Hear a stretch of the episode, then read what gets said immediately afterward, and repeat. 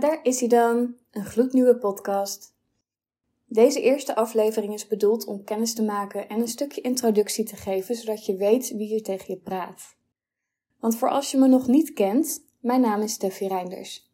Ik heb meerdere rollen in het leven, net zoals jij, maar vandaag kruip ik in mijn rol als pijncoach. En helemaal gelukkig ben ik eigenlijk helemaal niet met die titel, maar ik weet eigenlijk nu ook niet hoe ik het een andere, meer passende naam zou kunnen geven. Als je eerder mijn podcast hebt gevolgd, denk je misschien: what the fuck? Want ik heb op mijn social media wel al aangekondigd dat ik mijn bedrijf om zou gooien, maar het kan voor jou misschien als luisteraar wel uit de lucht komen vallen. Ik heb dus mijn bedrijf omgegooid en ik stap nu in een nieuwe identiteit als ondernemer. En deze identiteit die past meer dan ooit bij wie ik eigenlijk ben als persoon en wat ik ook wil delen en uit wil dragen. In 2021 begon ik als VA en ik heb heel erg veel over de achterkant van mijn bedrijf mogen leren. Ik heb met heel veel plezier voor opdrachtgevers samengewerkt. En um, ehm, VA zijn betekende voor mij ook echt wel kennismaking met het ondernemerschap. En dus ook aftasten of ik het in me heb om ondernemer te zijn. Maar ik wist toen eigenlijk al in het begin dat dit niet mijn eindstation zou zijn. Want ik heb een verhaal, ik heb een passie en ik heb een missie en een visie. En nu ben ik er meer klaar voor om dit ook naar buiten te brengen. En hopelijk komt het ook zo tot zijn recht dat ik heel veel mensen hiermee mag gaan helpen. Ik zal je heel even meenemen in mijn hoofd, want dat bepalen van die missie was helemaal niet zo simpel. Voordat ik als VA startte, heb ik heel veel gedaan aan persoonlijke ontwikkeling. Privé, maar ook om een bedrijf een goede start te kunnen geven. En daarbij heb ik heel veel verschillende life coaches en business coaches gevolgd. Masterclasses gedaan en ik heb ook een opleiding gedaan om VA te worden. En werkelijk iedereen die heeft het over je why, over je waarom. En die moet staan. En je missie bevat natuurlijk je waarom. Ik weet nog dat ik het echt niet leuk vond om hierover na te denken. Ik dacht echt van waarom moet ik nu verantwoorden waarom ik doe wat ik doe? Wie boeit dat nou? Ik doe zelf ook nooit een missie of een visie bekijken als ik iets afneem bij een bedrijf. Kan ik niet gewoon mensen helpen zonder mezelf daar te voor hoeven verantwoorden? Je merkt dat er wel echt weerstand op zat in het begin. Maar ik leerde ook snappen dat een missie wel degelijk belangrijk is. Want samen met je visie is het je kompas. Anders wordt je bedrijf stuurloos en spreekt het iedereen en tegelijk helemaal niemand aan. En zonder duidelijke missie kan je jouw motor ook niet aan blijven jagen. Dus het bepalen van mijn missie is iets waar ik al langer mee bezig ben geweest. Ik wilde hem heel helder krijgen voor mezelf, voor anderen, voor iedereen waar ik mee ga werken en die het ook maar wil horen. En die missie verandert nogal eens qua bewoording, maar ook wel eens qua inhoud. En dat kwam eigenlijk doordat ik er een ster in ben om dingen ingewikkeld te maken in mijn hoofd. Ik overanalyseer dingen en ik geef er allerlei woorden aan die misschien mooi klinken, maar vervolgens nog vrij weinig zeggen. En toen snapte ik ook steeds beter dat mijn weerstand erop lag dat ik het vooral moeilijk vond om me te verbinden met die missie, uh, die ik tot nu toe steeds op papier had gezet. Want mooie woorden zonder um, inhoud, ja, weet je, daar kun je je ook heel lastig mee verbinden. Die missie was tot nu toe steeds van buiten naar binnen tot stand gekomen. Gecreëerd door wat ik allemaal las en meekreeg. En het ding is dat ik heel veel verschillende invalshoeken erg interessant vind en ik vind het heel leuk om te experimenteren met alles. Met als resultaat dat ik steeds tot een iets andere conclusie kwam. Bijvoorbeeld vanuit de numerologie is mijn missie om het leven van andere mensen te verbeteren, waarbij ik vooral op zoek ga naar de gemeenschappelijke grond. En ik zou dan ook veel kunnen betekenen door het delen van mijn inzichten. Volgens astrologie bereik ik mijn levensgeluk wanneer ik de praktische werkelijkheid weet te verbinden met een hoger spiritueel doel, dus een wat meer goddelijke missie. En nu verdiep ik me in human design en dat is echt rete interessant trouwens. Maar human design zegt dat ik hier op aarde ben om de materiële wereld en het fysieke zijn te masteren, wat dat dan ook mag inhouden. En hiermee zou ik ook anderen kunnen helpen om hetzelfde te kunnen doen. Maar als ik dan weer gewoon in mijn hoofd duik en aan mijn kernwaarden denk die ik heb gesteld voor mijn bedrijf en vanuit daar een missie zou mogen formuleren, is het zoiets als meer plezier, vrijheid en liefde in de wereld.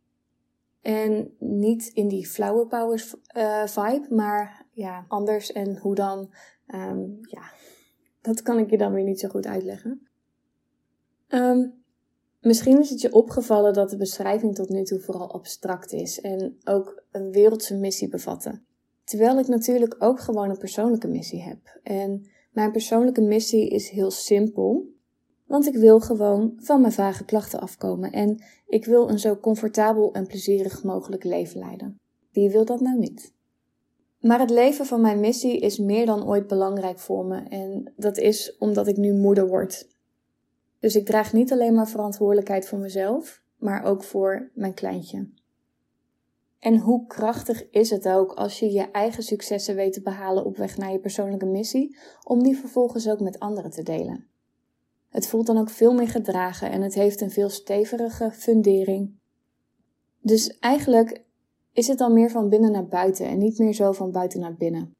En dit besef wakkert echt een vuur in me aan dat ik niet eerder zo sterk kon voelen. En als ik dan verder de koppeling maak met waarom dit een goed idee is voor anderen, en misschien wel voor jou als luisteraar, het valt me al heel lang op dat heel veel mensen in deze huidige wereld heel erg geleefd worden. Dat herken je allemaal. Um, tenzij je verlicht bent um, of heel goed snapt uh, hoe alles werkt. En ik betwijfel dat dat voor een groot deel van de mensen geldt. Maar um, je kent het wel, alles moet sneller, alles moet beter. De maatschappij die verwacht een hele hoge standaard. Mensen lijden onnodig veel pijn en voelen zich daarbij ook machteloos. En ik zou zo graag met iedereen willen delen hoe het zelfherstellend vermogen van het lichaam geactiveerd kan worden. Want nu geven mensen hun lot heel vaak uit handen omdat ze dat gewoon simpelweg niet weten.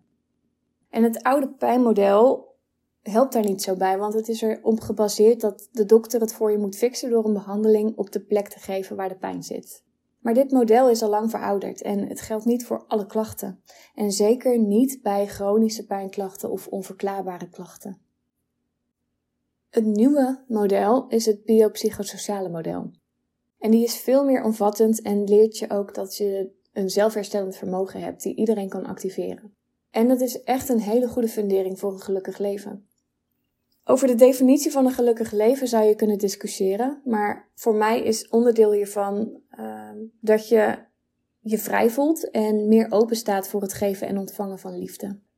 En misschien vraag je je af wat dat biopsychosociaal model dan precies inhoudt. Die bewaar ik voor een andere aflevering. Dan ga ik er wat dieper op in. En ik voel me ook tegelijk um, wel geneigd om een disclaimer te plaatsen. Want ik hoor mensen al denken bij het statement dat je een zelfherstellend vermogen hebt van ja, maar bedoel je dan ook dat je claimt dat mensen met kanker of neurologische aandoeningen, om maar een voorbeeld te noemen, allemaal zonder behandeling kunnen genezen? Dat claim ik dus niet. Ik ben van mening dat het reguliere zorgstelsel belangrijk blijft en ga er dan ook maar van uit dat ik nooit medisch advies zal geven. En soms is schade natuurlijk gewoon onomkeerbaar en soms moet je het ook gewoon laten behandelen met een ingreep.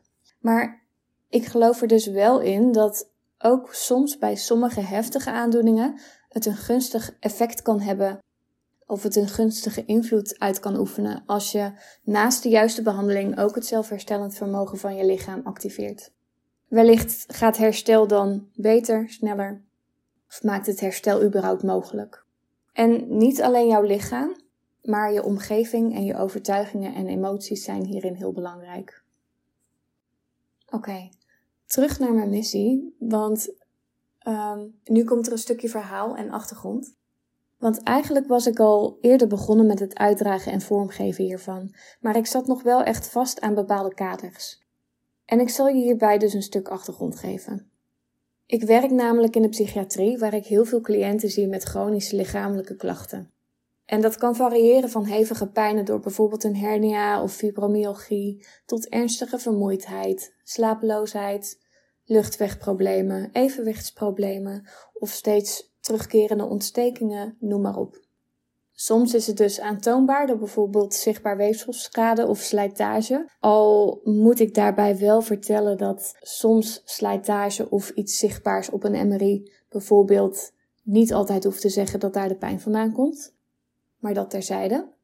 Heel vaak wijzen testen bij de cliënten ook op niets uit. Um, wat betekent dat de klachten dus zogenoemd onverklaarbaar zijn. En het is ook vaak als er wel iets zichtbaar is, als je uh, weefsels aangetast, dan hoeft het niet zo te zijn dat de klachten langdurig blijven. En dat is vaak wel het geval bij de mensen die ik zie. Het zijn mensen die dus ook allerlei bezoeken aan verschillende specialisten achter de rug hebben en een hoop boosheid met zich meedragen omdat ze zich niet geholpen voelen, want de pijn blijft of de klachten blijven. Ze krijgen ook vaak een bak met medicatie waar je akelig van wordt en het gevolg is dat ze er steeds meer van nodig hebben. En er komen ook allerlei ongewenste neveneffecten van. Vaak krijgen mensen ook de boodschap: je moet er maar mee leren leven. Maar je kunt je vast voorstellen dat het echt niet geweldig is voor je mentale gezondheid. Wat me verder opviel bij deze mensen die ik zie, is dat er onderliggend heel veel angst is, of dat er eigenlijk ook onverwerkte, opgekropte emoties aanwezig zijn. En als ik dan naar mezelf kijk, zelf heb ik ook altijd te maken gehad met vage klachten. En ik ben ook niet geheel onbekend met angst. Ik ben altijd als kind al een heel angstig kind geweest en ik had veel te maken met slapeloosheid, vermoeidheid, allerlei allergieën waar je helemaal niet blij van wordt. En mijn moeder heeft me heel goed geholpen met leefstijlaanpassingen. Bijvoorbeeld, um, ik werd op een dieet gezet. Um, en dat hielp wel een beetje. Maar die angst was natuurlijk altijd wel aanwezig. En ik was niet zo'n kind die dat vertelde. Dus dat bleef er doorheen sluimeren en klachten bleven ook wel gedurende mijn jeugd aanwezig. En op een gegeven moment ben ik vanuit de HAVO in de studie HBO verpleegkunde gerold. Eigenlijk wilde ik toerisme doen, maar ik liet me overtuigen om voor iets te kiezen waar altijd werk in is te vinden. Verpleegkunde dus. En dat was echt helemaal niks voor mij. Um, de studie ging wel gewoon prima, maar ik had er totaal geen plezier in. Alleen wanneer het dan over psychiatrie ging, vond ik het wel echt interessant. Dus zo ben ik ook vanuit mijn afstudeerstage in de, in de psychiatrie blijven hangen bij mijn werkgever daar. En ik werkte eigenlijk tijdens mijn stage op een hele rustige afdeling. Maar ik kwam terecht toen ik daar echt ging werken op een afdeling of op de kliniek voor spoedeisende psychiatrie. En je moet je voorstellen, ik was net twintig. Dus ik verloor mezelf daar helemaal compleet. Gelukkig duurde dat niet uh, mijn hele carrière, maar ik, um, ik kwam daarna wel terecht op een afdeling die iets minder hectisch was. Maar je kunt je ook voorstellen misschien dat uh, klinische psychiatrie hoe dan ook gewoon zware kost is. En als mensenmens was ik ook heel begaan met cliënten. En ik trok me waarschijnlijk hun leed iets te veel en iets te vaak aan. Maar braaf als ik was, ik deed gewoon wat er van me werd verwacht. En dat leek ook gewoon goed ontvangen te worden. Ik bleef ook gewoon prima functioneren. Althans, op mijn werk. Want thuis bleef ik vrij vaak piekeren over, um, over het werk, maar dat vond ik vrij normaal toen die tijd. Dat hoorde gewoon bij de baan en hard werken hoort ook bij deze tijd. Dat deed iedereen en dat hoort zo, niet miepen. Um, op een gegeven moment werd ik 22 en toen kreeg ik een auto-immuunziekte. En die auto-immuunziekte is alopecia. Dat betekent dat ik al mijn haren ben gaan verliezen. Werkelijk had ik geen idee waar dat vandaan kwam. Niemand in de familie heeft dit, maar het was er gewoon. En ik nam toen alleen maar gewoon aan dat het domme pech zou moeten zijn geweest. Ik was ook totaal niet bezig met wat erachter zou kunnen zitten en ik maakte al helemaal geen koppeling met hoe ik in mijn vel zat. Jarenlang gingen voorbij en ik kreeg te maken met een opeenstapeling van traumatische ervaringen die mijn belevingswereld afstompten, maar ook mijn verantwoordelijkheidsgevoel heel erg deed laten toenemen. En dan niet voor mezelf, maar vooral voor de mensen waar ik mee werkte. Daarbij ging ik jarenlang naar mijn werk met heel veel angst. Um, om verschillende redenen. Angst om mensen te verliezen, tot doodsangsten dat mezelf iets ging overkomen. Door de ambulantisering in de GGZ werden bedden schaarser en werden opnames steeds korter. En werd je eigenlijk alleen nog maar in crisis opgenomen. En dat betekende ook dat ik, doordat de afdeling natuurlijk kleiner werd, overal werd ingezet. Zo moest ik met iedere doelgroep aan de slag, ook met doelgroepen waar ik me niet prettig bij voelde. En op een gegeven moment was het genoeg. Ik kon niet meer. Ik vluchtte uit de GGZ in de thuiszorg, waar ik eigenlijk achteraf gezien al heel snel helemaal doodongelukkig werd. Um, ik kwam ook binnen drie maanden weer terug bij mijn oude werkgever, maar gelukkig had ik de kans om ambulant te gaan werken. En ik realiseerde me ook um, hoe angstig ik klinisch was, past het werk in de psychiatrie me wel. En nu kreeg ik dus de kans om ambulant op de polykliniek te gaan werken als behandelaar in de basis GGZ. Want waarom terug, zou je dan misschien nog afvragen? Ik besefte me ook dat mijn angsten niet zouden weggaan door te vluchten. Ik zou ze serieus moeten gaan nemen en aan moeten gaan pakken. En hier begon ook mijn persoonlijke ontwikkelingsreis pas, echt van de grond te komen. En nog even terugkomend op wat ik nu dus ambulant zag bij mijn cliënten. Ik ben me heel erg gaan verdiepen in pijn en onverklaarbare klachten, ook omdat ik toen die koppeling met mijn eigen klachten ging maken. Ik heb verschillende lesboeken aangeschaft, eh, verschillende wetenschappelijke artikelen doorgespit en ik ben de neuropsychologie ingedoken. En dit resulteerde erin dat ik een groep heb opgezet op mijn werk, uh, die mensen leert omgaan met chronische pijn en onverklaarbare klachten. En in die groep, dat was een groep met tien sessies, zag ik dat uh, mensen die de groep hadden gevolgd resultaat gingen boeken. En binnen die tien sessies die er waren, konden mensen al verlichting van hun klachten ervaren en hadden ze ook een opzet meegekregen om echt verandering in hun leven door te kunnen voeren, om het herstel ook nog verder voor te zetten. En je moet je voorstellen, dit zijn mensen die dus langdurig last hebben gehad van zowel hun psychische als lichamelijke klachten. En bij langdurig heb ik het niet over een jaar, maar echt jaren. En parallel hieraan boekte ik zelf ook veel vooruitgang door toe te passen wat ik leerde, door verandering door te voeren in mijn eigen leven en ook mijn angsten dus aan te pakken. Ik leerde mijn eigen blauwdruk kennen voor een klachtenvrij bestaan. En die auto-immuunziekte, dat is nog, nog een work in progress. Want ik um, heb nog steeds geen volle bos met haar. Maar, dat is dan wel weer een beetje jammer. Ik moet mijn benen uh, sinds jaren weer helemaal gaan scheren. En uh, dat is ergens natuurlijk een goed teken. Maar ja, het was ook zo lekker om het niet te doen. Oké, maar goed. Um, waar ik mee begon was dus het feit dat ik een nieuwe identiteit als ondernemer aanneem. Mijn bedrijf zet ik om om steeds meer te belichamen waar ik voor sta. En om ook steeds meer mijn passie te gaan volgen en te doen waar ik goed in ben. En het overwinnen van angsten maakt dit ook mogelijk. Ik had namelijk altijd het gevoel dat ik geen goede coach zou zijn. Want bla bla bla, deze kun je gewoon invullen met allerlei maren die je kunt bedenken. En ik durfde het eigenlijk niet omdat ik bang was dat de GGZ er wat van ging vinden. Maar, nieuwsflash, ik krijg alleen maar support. Hoe fijn is dat? En um, ik deel dus wel ook mijn kennis binnen de GGZ. Maar waarom ik het niet alleen maar binnen de GGZ uit wil dragen, is omdat ik me daarin te beperkt voel. Want hoewel de GGZ ook wel meer en meer open staat voor een andere gedachtegoed, hoef je daar echt nog niet aan te komen met de wet van aantrekking bijvoorbeeld of human design. En deze hebben beide wel degelijk invloed gehad um, of bijgedragen aan mijn eigen succesformule. Over die succesformule ga ik nog veel meer met je willen delen. Maar voor nu heel erg bedankt voor het luisteren. En ik zou het heel tof vinden om met je te connecten. Dus laat gerust weten wat er in een volgende aflevering zou mogen komen, wat je zou willen horen, wat je zou willen weten of leren. En mocht je je nou herkennen in de persoon met vage klachten of chronische pijnklachten, heb je daar nou jarenlang last van, of misschien niet jaren, maar maanden en wil je er gewoon vanaf? Let me know, want dan kijken we samen wat ik voor je kan doen. Hele fijne dag gewenst.